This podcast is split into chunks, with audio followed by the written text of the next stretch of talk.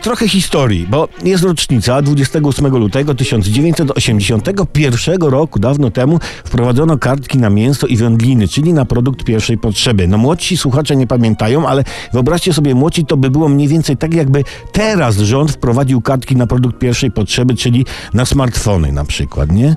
No i z tamtych czasów pozostał dowcip, a trzeba wiedzieć, że w każdym sklepie wisiało godło, czyli orzeł i klient wchodzi do sklepu mięsnego, pyta co jest, pani mówi to co widać, to poproszę pół kilo orła. I wędlin brakowało, dlatego to jest taka teoria, że orzeł w sklepie wszystko w nocy zżarł. I teraz nie ma orłów w sklepach, a mięsa oraz wędlin jest pod dostatkiem.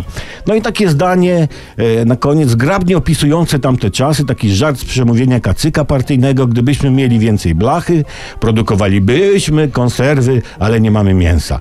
Dlaczego ja w ogóle przypominam tę rocznicę, te zamierzchłe czasy? Bo historia lubi zataczać się w koło, no i ta zatoczyła koło, choć może nie pełne koło, ale zatoczyła i bo wtedy wprowadzono kartki na wędliny, a obecnie wprowadza się kartki do wędliny. Tak niektóre smakują, prawda? Plastry niektórych szynek to można włożyć do drukarki, drukować na nich tekst albo coś, zdjęcia, kałamagi albo skowrona, coś tam, co każdy chce. Kiedyś, parę lat temu, tu nie będzie niespodzianki, wstecz, Pamiętam, zaproponowałem, żeby wędliny robić z mięsa. Tak, tak się zażartowałem, ale tak, takie coś tam, nie? Poniosło mnie. Co się działo?